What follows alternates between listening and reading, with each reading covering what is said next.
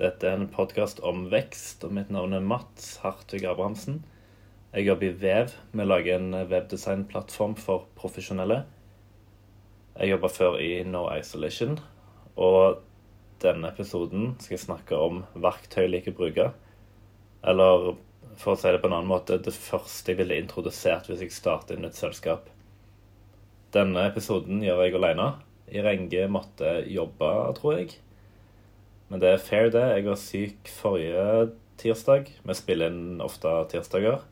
Gir ut fredagsmorgen. Så da er det meg som sitter her i min leilighet i Oslo. Men du hører kanskje at jeg ikke er fra Oslo, men det forblir et mysterium. Det første jeg ble sett opp når jeg starta nytt sted, det er segment. Jeg mener alle bør ha tag management-programvare, eller noen kaller det customer data infrastructure. Det er veldig viktig på nettsider og i apps å kunne spore hvordan folk bruker f.eks. nettsiden. Du vil vite at de klikker på en knapp, du vil vite at de konverterer. Men hvordan skal du få denne dataen inn i verktøy du bruker, eller i annonseplattformer? Da er det noen som bruker Google Tag Manager. Jeg liker Segment mye bedre. Det koster noe, men det er veldig lett å sette opp. Utviklere trenger bare sette det opp én gang, så kan f.eks. markedsførere bare koble til nye verktøy. Da, da, implementerer du Segment sin kode på nettsiden. Det kan være i skjemaer, det kan være på knapper. Eh, altså events, eller identify-biten for skjemaer. Så kan du si at ja, denne dataen skal sendes til Facebook, sendes til Google Ads, sendes til en e-postløsning, sendes til et CRM du bruker. Så trenger du egentlig bare klikke på én knapp, så får du gjort alt det der. Du slipper å spørre en utvikler hver gang du tester nytt verktøy. Her kan du legge til denne koden på nettsiden. Det mener jeg er sykt viktig. Bare hele den infrastrukturen. Så det er liksom sånn dag én-ting. F.eks. når jeg starta i Vev, da gikk jeg i gang med det med en gang. Neste ting som er relevant for ganske mange, er jo e-poster. Altså e-postplattformer. Jeg har testa ganske mange ulike, men jeg har vel endt på at jeg liker Customer IO best. Det funker veldig bra. Én ting jeg liker veldig godt med det, er noe som heter mm, Hva kalles det nå igjen? Jeg tror det kalles Q-drafts. Ofte setter de opp eh, workflows eller automatiseringer i eh, e-postplattformer. F.eks. at eh, en person som spør om tilgang til et verktøy, skal få en e-post f.eks. med en gang. Men av og til så kan det være at du ikke vil at denne personen skal få den e-posten. Hva gjør du da? Det er ikke bare å stoppe en automasjon, automasjon du har satt opp. Det denne gjør, er at det, automasjonen Det kalles det, tror jeg. Ja, automasjon. Ja, vi sier det. Customer IO gjør sånn at uh, du kan At automasjonen kan løpe og gå, men det er du som velger manuelt å sende denne e-posten til f.eks. de personene, altså ikke den personen men alt settes opp automatisk. Så det, du må ikke manuelt sende e-postene. Det er ganske nice. Neste ting som er relevant òg for ganske mange, er type livechat på nettsiden. Det finnes jo en del sånn all-in-one-løsninger. Det er veldig få som fungerer veldig bra på alle tinga de prøver å gjøre. Men det kan være en grei start hvis du skal bare i gang med vekst og bare må sette opp en rigg. da. Den mest kjente er kanskje Intercom. Den er ganske grei å sette opp. Eh, ikke så dyr. Gjør liksom litt av hvert, men du, du møter veldig fort på barrierer. Og det blir veldig simpelt, syns jeg. Da kan du for ta steget til en løsning som heter Drift. Den er en del dyrere. Mye mer avansert det var faktisk et par år siden jeg først testa, det ut, og jeg var helt frelst. Og jeg besøkte kontoret deres når jeg var på ferie i Boston, og dro på konferansen deres og full pakke. Det funker ganske bra. De har en chatløsning, de har en bot-løsning, altså sånne chatbots. Deres greie er at du skal liksom Du skal ikke ha noen skjema på nettsiden, du skal bare bruke deres bots, f.eks.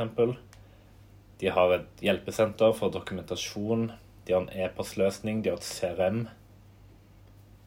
Men akkurat CRM-biten det blir ganske enkelt i Drift, så du må ofte ha typ HubSpot eller Salesforce i tillegg. Neste ting som er veldig grei hvis du skal starte typ med annonsering, er Google Ads. Fordelen med Google Ads er at du på en måte tar folk i det de leter etter noe. Det er en intensjon, da. Det er ikke bare å plutselig dukke opp i en Facebook-feed når folk ikke er i rett modus. Så her får du det ofte i en rett kontekst, f.eks. at folk søker etter løsninger innen din kategori. De vet bare ikke om deg. Du kan fange mye av konkurrenter sin trafikk. Det gjør jeg i Vev nå, prøver å fange veldig mye av trafikken til konkurrenter. Byr ganske høy pris per klikk, for jeg vet at verdien av å få en av disse leadsa til å bli kunder er ganske høy. Da kan det bli verdt opp i sånn 40-50 kroner per klikk, og egentlig enda mer, men du har jo ofte begrensa budsjetter. Neste ting, eh, når folk er på nettsiden din, så vil du jo kanskje se hva som funker, hva som ikke funker. F.eks. noen som spør om tilgang eller registrerer seg for noe, så vil du jo Du vil lære av hva de leste om eller gjorde før de tok det valget. Hvor lenge de var på hver side. Kanskje de ble forvirra noe. Da har du et verktøy som heter SmartLook. Det, det er innen kategorien session recordings, kalles det. Der finnes det mange løsninger, men jeg syns SmartLook er noe av det beste. Andre løsninger innen det segmentet er type Full Story og Hotjar. Når du finner ut hva som funker eller ikke, så kan du jo gå inn i verktøy som Vev, det vi lager f.eks., og gjøre endringer på nettsiden veldig kjapt og publisere. Du kan òg bruke et verktøy som heter Google Optimize. Det AB-testing og personaliseringsplattform til Google, og det er gratis. Da kan du si at uh, besøkende fra denne kanalen eller fra dette landet f.eks. skal få se denne teksten istedenfor standardteksten. Du kan òg teste med sånne eksperimenter hva tekst som funker best på en knapp. Jeg testa f.eks. Eh, spørre etter tilgang eller spørre etter demo. Jeg tror, hvis jeg husker rett, så var det spørre etter demo som vant. Så det, det funker ganske bra. Andre verktøy innen det segmentet er f.eks. Optimizely. Det har jeg alltid hatt lyst til å teste, men de gjør det veldig vanskelig å få tilgang. Det er ikke bare å registrere seg og teste det ut, så det er litt uh, kjipt. Neste verktøy innen kategorien søkemotoroptimalisering. Da har du jo Google som er det, den viktigste søkemotoren tenker ikke så mye på Bing lenger, eller Yahoo. Men det er veldig lett å plugge til hvis du allerede har satt opp type Google Analytics. Og det lar deg eh, se hva søkeord som driver trafikk til nettsiden. Du ser i, altså hva posisjon du rangerer innen. Du kan sammenligne seg trafikken siste syv dager eh, sammenligna med trafikken de syv dagene før. Det går litt i ball at det, det, er midt i desember, og det er julebord i morgen. Det er litt seint, men jeg eh, skal klare dette. Men det, det, er et veldig uvurderlig verktøy å sette opp, og ikke minst koble sammen alle disse Google-verktøyene. Det er veldig lurt å koble sammen Google Analytics med Google Ads og med Google Search Console og få denne dataen litt inn i de ulike verktøyene. Kanskje den rapporten i Google Analytics jeg bruker mest, er egentlig søkeord fra Google Ads. Så har jeg jo satt opp eh, goals i Google Analytics. Og så ser jeg da f.eks. Eh, at tre stykk fra det søkeordet, eller den annonsegruppen, de spurte om tilgang til vev. Og det brukte f.eks. dette budsjettet. De var så lenge på nettsiden. De var innom så og så mange sider i gjennomsnitt. Og så tweaker jeg f.eks. annonsene ut ifra den dataen. Og så har du en plattform for type analyse og samt onboarding og NPS. Det er en ganske stor plattform, dette. Den heter Pendo. Den kan sammenlignes med type Mixpanel og Heap og Amplitude. Eh, jeg liker godt eh, Pendo, for du får produktanalysebiten. Men i tillegg så får du onboarding-funksjonalitet. At du kan vise såkalte guides. Det kan være hvis du lanserer en ny funksjonalitet, så kan du highlighte det ja, f.eks. inni en plattform da, som vi lager. Det er lettest å ta eksempler fra. Da kan du si hei, vi lanserte dette, og så er det en pil på det, og så det, kommer det en sånn pop-up. Så kan du utelukke f.eks. de som allerede brukt den featuren, som ikke trenger den infoen for å ikke overloade de. Du kan bruke det for å kjøre NPS-surveys. Vi går i Renge pleier å rate våre tidligere episoder ut ifra en net promoter score. Det er sannsynligheten for at du, ville anbefalt eh, anbefalt noe til en venn eller kollega. Det kan du kjøre gjennom Pendo. Hmm, hva annet kan du gjøre, da? Du har f.eks. en eh, et lite sånn eh, Et lite senter, altså mm, vi, vi, har brukt det sånn at det er et spørsmålstegn i en sirkel inni plattformen for folk som vil ha hjelp. Det er gjennom Pendo. Ja, de kaller det Resource Center. Ressurssenter. Der vi kobler til Sendesk, som er der vi kjører hjelpesenteret. Så kan du da eksempel søke etter artikler inn i dette ressurssenteret. Så det er ganske nice. Så de sier Jeg tror jeg har vært igjennom de fleste verktøyene jeg ville touche innom. Det ble jo en veldig kort episode, dette, sånn egentlig. Det, det var uvant å snakke uten Renge ved min side, så jeg håper neste årets siste episode kan få bli med i Renge.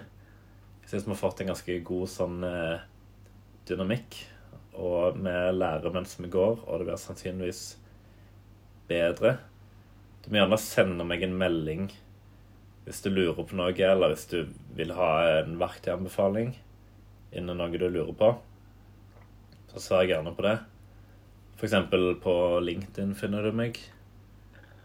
Eller Instagram eller Tinder eller et eller annet sånt.